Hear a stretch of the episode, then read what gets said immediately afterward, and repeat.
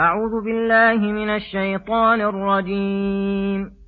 ولقد أخذنا آل فرعون بالسنين ونقص من الثمرات لعلهم يذكرون.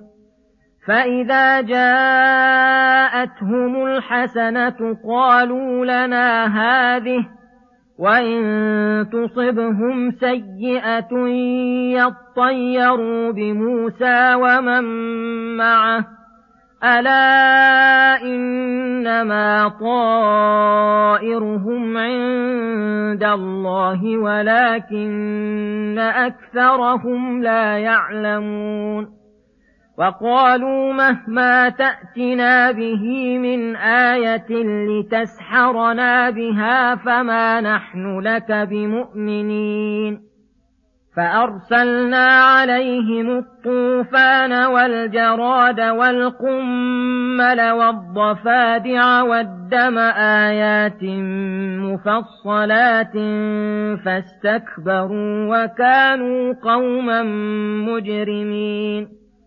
ولما وقع عليهم الرجز قالوا يا موسى ادع لنا ربك بما عهد عندك.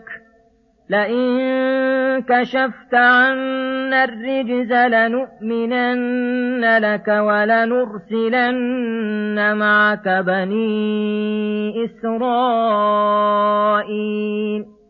فلما كشفنا عنهم الرجز إلى أجل هم بالغوه إذا هم ينكثون فانتقمنا منهم فأغرقناهم في اليم بأنهم كذبوا بآياتنا وكانوا عنها غافلين وأورثنا القوم الذين كانوا يستضعفون مشارق الأرض ومغاربها التي باركنا فيها وتمت كلمة ربك الحسنى على بني إسرائيل بما صبروا ودمرنا ما كان يصنع فرعون وقومه وما كانوا يعرشون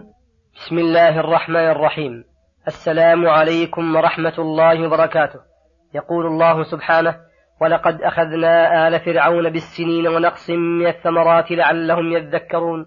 فإذا جاءتهم الحسنة قالوا لنا هذه وإن تصبهم سيئة يطيروا بموسى ومن معه.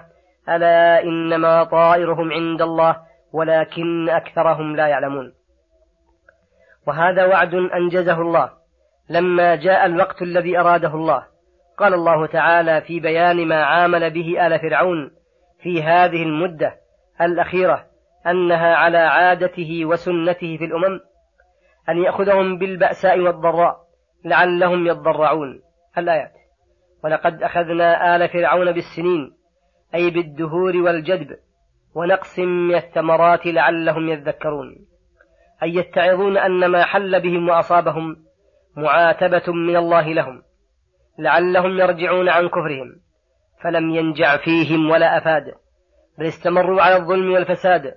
فإذا جاءتهم الحسنة أي الخصب وإدرار الرزق قالوا لنا هذه أي نحن مستحقون لها فلم يشكروا الله عليها وإن تصبهم سيئة أي قحط وجدب يطير بموسى ومن معه أي يقولوا إنما جاءنا بسبب مجيء موسى واتباع بني إسرائيل له.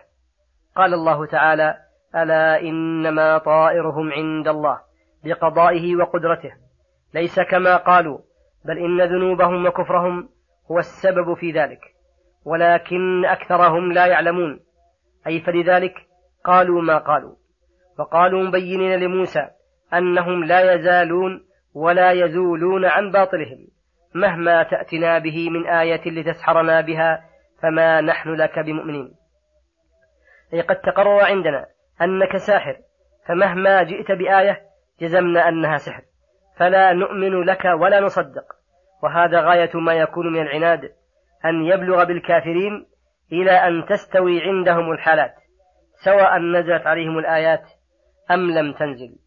فأرسلنا عليهم الطوفان أي الماء الكثير الذي أغرق أشجارهم وزروعهم وأضرهم ضررا كثيرا والجراد فأكل ثمارهم وزروعهم ونباتهم والقمل قيل إنه الدباء أي صغار الجراد والظاهر أنه القمل المعروف.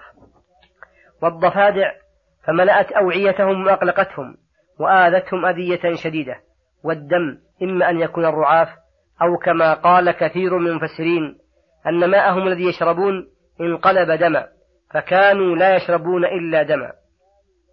ولا يطبخون. آيات مفصلات أي أدلة وبينات على أنهم كانوا كاذبين ظالمين وعلى أن ما جاء به موسى حق وصدق. فاستكبروا لما رأوا الآيات. وكانوا في سابق أمرهم قوما مجرمين. فلذلك عاقبهم الله تعالى. بأن أبقاهم على الغي والضلال. ولما وقع عليهم الرجز أي العذاب يحتمل أن مراد به الطاعون كما قاله كثير من المفسرين ويحتمل أن يراد به ما تقدم من الآيات الطوفان والجراد والقمل والضفادع والدم فإنها رجز وعذاب وأنهم كلما أصابهم واحد منها قالوا يا موسى ادع لنا ربك بما عهد عندك. أي تشفعوا بموسى بما عهد الله عنده. من الوحي والشرع. لئن كشفت عنا الرجز لنؤمنن لك ولنرسلن معك بني إسرائيل. وهم في ذلك كذبة لا قصد لهم إلا زوال ما حل بهم من العذاب.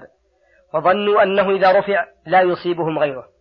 فلما كشفنا عنهم الرجز إلى أجل هم بالغوه أي إلى مدة قدر الله بقاءهم إليها.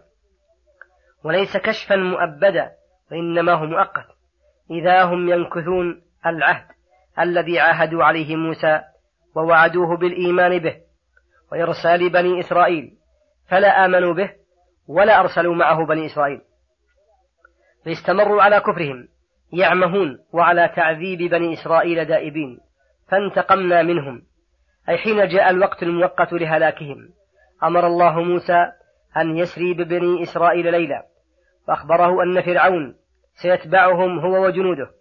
فأرسل فرعون في المدائن حاشرين يجمعون الناس ليتبعوا بني إسرائيل فقال لهم إن هؤلاء لشرذمة قليلون وإنهم لنا لغائظون وإنا لجميع حاذرون فأخرجناهم من جنات وعيون وكنوز ومقام كريم كذلك وأورثناها بني إسرائيل فأتبعوهم مشرقين فلما تراءى الجمعان قال أصحاب موسى إنا لمدركون.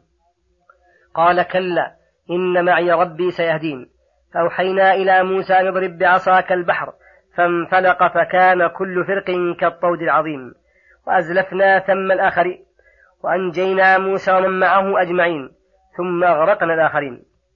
وقال هنا فأغرقناهم في اليم بأنهم كذبوا بآياتنا وكانوا عنها غافلين.